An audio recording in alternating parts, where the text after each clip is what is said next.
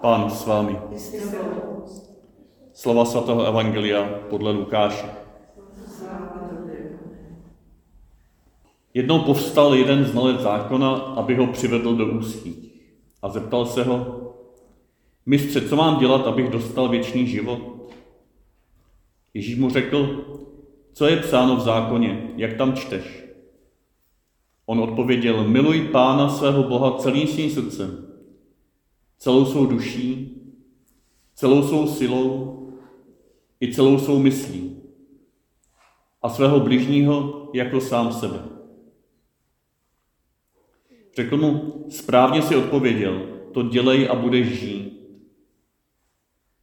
Ale on se chtěl ospravedlnit a proto se Ježíše zeptal, a kdo je můj bližní? Ježíš se ujal slova a řekl, jeden člověk se stupoval z Jeruzaléma do Jericha a ocitl se mezi lupiči. Ti ho všechno obrali, zbyli, nechali na polo mrtvého a odešli. Náhodou šel tou cestou nějaký kněz, viděl ho, ale vyhnul se mu. Stejně i jeden levita přišel k tomu místu, viděl ho, ale vyhnul se mu. Ale jeden Samaritán přišel na své cestě k němu, viděl ho a bylo mu ho líto. Přistoupil k němu, nalil mu do ran oleje a vína, obvázal je, vysadil ho na svého soumara, dopravil do hostince a staral se o něho. Druhého dne vytáhl dva denáry a dali hostinskému se slovy, starej se o něho a co vynaložíš navíc, já ti doplatím, až se budu vracet. Co myslíš? Kdo z těch tří se zachoval jako bližní k tomu, který se ocitl mezi lupiči? On odpověděl, ten, kdo mu prokázal milosedenství. A Ježíš mu řekl, jdi a stejně jednej i ty. Slyšeli jsme slovo Boží.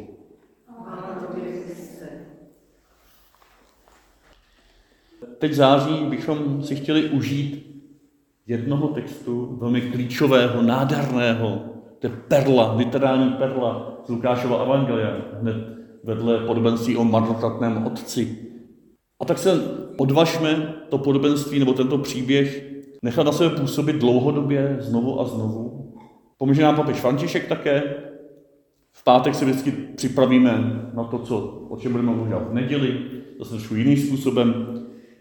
A proto se si dovolím s vámi se podělit o jedno pozvání, které je na konci úvodu k té encyklice Všichni jsme bratři a sestry, fratelli tutti, od papeže Františka, kterou právě během září před volbami budeme číst. Pan biskup nás o to požádal, abychom právě skrze tuto encykliku se nechali inspirovat nejenom k dobré volbě, ale k přetvoření našeho života, aby se stal společensky plodným. A na závěr toho úvodu, který nebudu opakovat, to, když budete chtít, přijďte ve středu ráno nebo večer, tam v tom budeme pokračovat, ale jenom ocituju toto nádherné pozvání. Velmi si přeji, abychom v této době, ve které je nám dáno žít, přispěli uznáváním důstojnosti každého člověka k obnově celosvětového úsilí o bratrství. Tím se myslí o bratrství a sesterství dneska v češtině.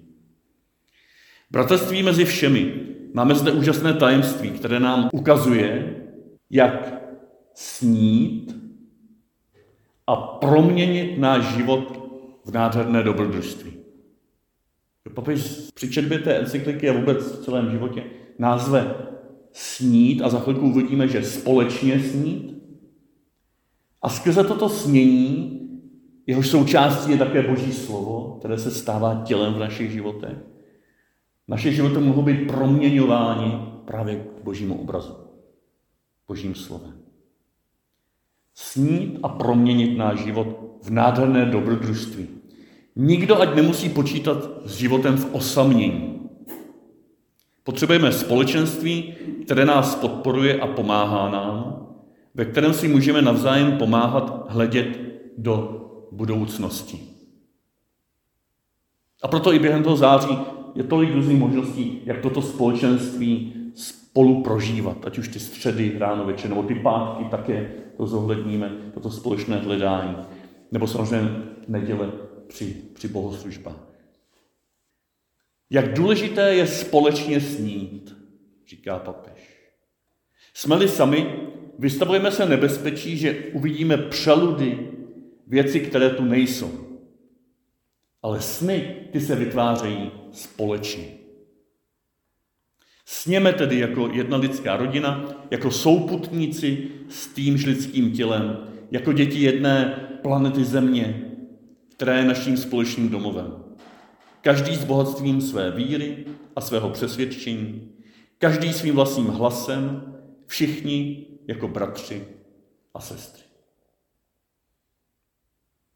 A toto velmi široké pozvání ke společnému snění je východiskem, základem toho, co potom papež v prvním kapitole rozvíjí a čím vlastně začíná i to podobenství nebo ten příběh o Samařanovi. Ten příběh začíná totiž zmínkou, které se většinou nevěnujeme, když se to podobenství vykládá, nebo ten příběh vykládá. Mám na mysli tuto větu. Jeden člověk sestupoval z Jeruzaléma do Jericha a ocitl se mezi lupiči. Východisko toho příběhu je, že jeden člověk je na cestě a ocitá se mezi lupiči. A papež si celé první kapitole toho Tately Fruty dovolí zastavit se tady o toho ocitnutí se nás lidí mezi lupiči. On si dovolí rozjímat o dnešním světě tak, jak je vykořišťován, vytěžován, destruován dnešními lupiči. A zve nás tomu, abychom se viděli, že my jsme uprostřed toho ocitnutí vší se mezi těmito lupiči. A dokonce, že máme na tomto loupení často svůj vlastní podíl. Jsou to velmi ponuré stíny, které předestírá, ale je dobře, abychom právě, až budeme hledat ty cesty naděje, které následují. I v tom příběhu samozřejmě následuje po těch stínech lhostejnosti, po těch stínech násilí, tak následuje příběh naděje. Samařan, který se přibližuje. Jo, o tom budeme rozjímat dál v příštích týdnech. Ale tento týden si dovolme připustit, přiznat si, že jsme se ocitli jako jednotlivci, jako rodiny, jako farnost, jako církev v České republice, jako společnost v Evropě. Mezi lupiči. A dovolme si pojmenovat ty lupiče. Neutíkat od nich. Nebát se jich. A jak tam papež na jednom místě taky říká, nepropadnout dvěma pokušením. Buď zbabělému útěku a schování se do vlastních nějakých uzavřených společenství svatých, a nebo na druhé straně agresivnímu odporu, který ničí, který ničí druhé i nás. Násilnému odporu. Jsou dvě pokušení, útěk anebo agrese. A papež zve abychom zůstali v dialogu, zůstali v rozhovoru momentálně s tím příběhem, sami se sebou, se svým okolím, i přesto, že se toho okolí někdy bojíme. Ať už toho nejbližšího, nebo toho obecního, nebo toho státního, politického, světového okolí, pandemického okolí. Tak chci tady z toho příběhu, který jsme dneska četli, vypíchnout právě jenom ten začátek. Jeden člověk, tam se dosaďte vy sami. Jo, vy, jo. Petr a Zuzanka a Helena a Jana. Jo, všichni ostatní, všichni mě. Jsme tím člověkem, který na své cestě sestupujeme z Jeruzaléma, z té posvátné hory do Jericha, do našich všedních životů a ocitáme se mezi lupiči. A můžeme se dovolit podle té první kapitoly, anebo jenom podle vlastní zkušenosti si pojmenovat něco z toho, co nás ohrožuje, čeho se bojíme, co společnost rozkládá. Já z toho ocituji jenom jako příklad, co tím papež třeba myslí, když mluví tváří v tvář tomu pozvání ke společnému snění, mluví hned v začátku té první kapitoly o rozpadajících se snech. Některé naše sny se rozpadají. Mluví o touze po jednotné Evropě a tento sen se rozpadá. Ze své vlastní zkušenosti mluví o touze po integraci v Latinské Americe a i tam se tento sen rozpadá. A když si to z tohoto makropohledu, velikého pohledu celosvětového, stáhnete na své vlastní sny o jednotě, dialogu, společenství, v rodině, ve farnosti, v obci, tak si možná můžete přiznat, že něco z těch našich snů se rozpadlo. Něco nenávratně a něco je ve stavu rozpadu. A my máme možná tendenci buď to všechno zabalit a utéct a nějak si žít nějak po svým, už se o nic nesnažit. A nebo kolem sebe kopat, a nebo si to naopak jako sebedestruktivně vyčítat pořád. Papež zve k dialogu i s těmito stíny. Pojmenovává je tam třeba případy krátkozrakého, extremistického, zlého a agresivního nacionalismu. Zase si to člověk může stáhnout na svůj vlastní malý svět. Případy krátkozrakého, extremistického, zlého, agresivního sobectví v nás a kolem nás. Sebestřednosti, co to je jiného než ve vztahu k národu nacionalismus. Pak tam třeba zmiňuje nejúčinnější způsob, jak ovládat druhé a postupovat kupředu bez ohledu na kohokoliv, je rozsévat beznaději a ustavičně zastrašovat. A to i pod rouškou obrany určitých hodnot. Že zase člověk může promítnout do naší společnosti, ale i do našich vlastních osobních vztahů.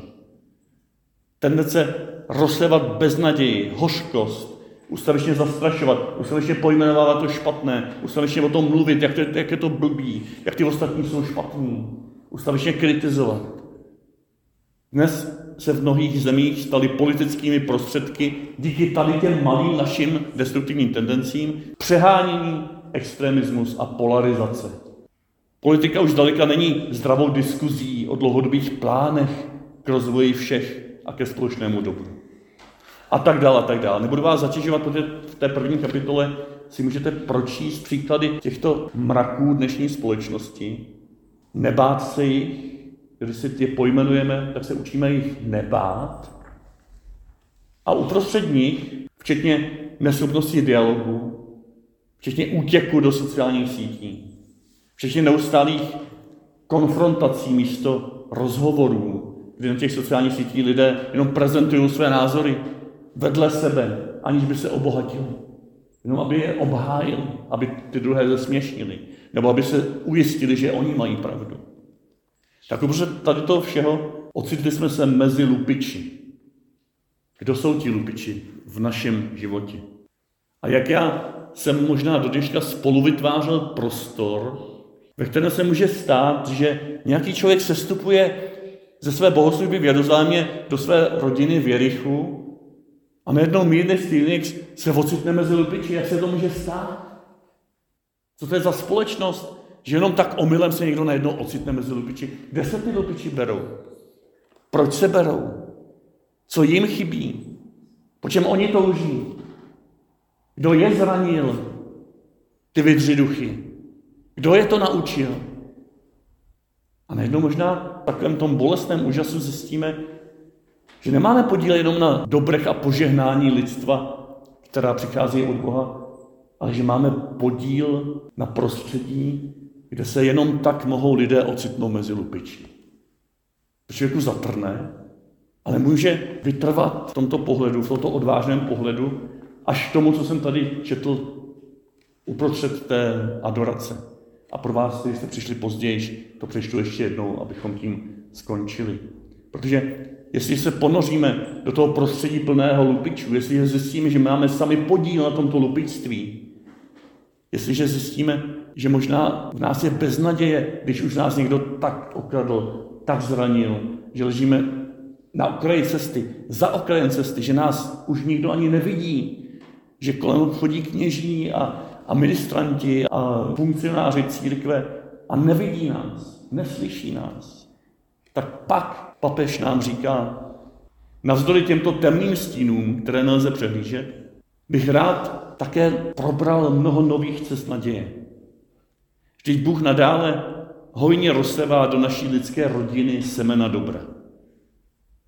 Díky nedávné pandemii jsme poznali mnoho těch, kdo jdou s námi životem a uprostřed strachu odpověděli tím, že nasadili svůj život pro druhé a začali jsme se jich vážit. Začali jsme si uvědomovat, že naše životy jsou protkány a podporovány obyčejnými lidmi, kteří bez pochyby napsali rozhodující události našich společných dějin. Lékaři, zdravotní sestry, ošetřovatelky, farmaceuti, drobní obchodníci a zaměstnanci v supermarketech, uklízeči a uklízečky, vrátní, pracovníci v dopravě, muži a ženy zajišťující základní služby, pořádkové síly, dobrovolníci, kněží a řeholní osoby. A tam jsou tři tečky, mohli bychom se sami doplnit. Jo. Mámy a tátové a děti, kteří sami berou do ruky zodpovědnost za, za dobro v jejich rodinách a učitelé a učitelky a dosaďte si konkrétní lidi teďko do tohoto seznamu těch, kteří byli hrdinami poslední doby pro vás. A mnoho jiných pochopilo, že nikdo se nezachrání sám. A proto papež říká, zvu každého k obnovení naděje, protože naděje k nám promluvá o něčem, co je hluboce zakořeněno v každém lidském srdci, nezávisle na jednotlivých okolnostech a dějných podmínkách, v nich žijeme. Naděje k nám promluvá o žízni, touze, dychtění po naplněném životě, po dosažení velkých věcí, věcí, které rozšiřují naše srdce a pozvedají našeho ducha ke vznešeným skutečnostem, jako je pravda, dobro, krása, spravedlnost a láska. Naděje je smělá. Dokáže hledět za osobní pohodlí, malicharné jistoty, zužijící náš obzor a může nás otevřít pro velké ideály, které činí život krásnějším a hodnotnějším. Jdeme tedy vpřed po cestách naděje.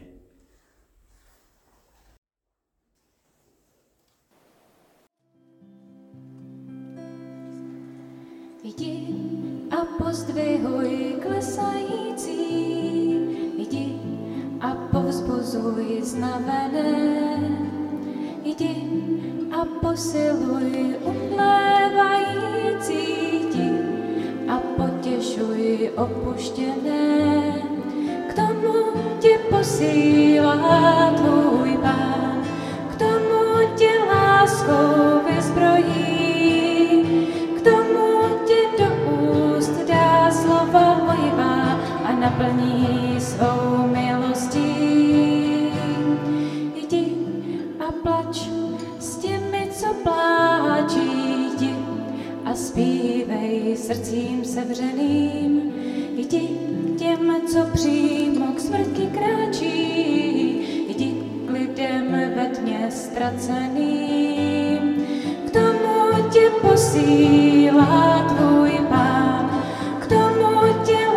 go.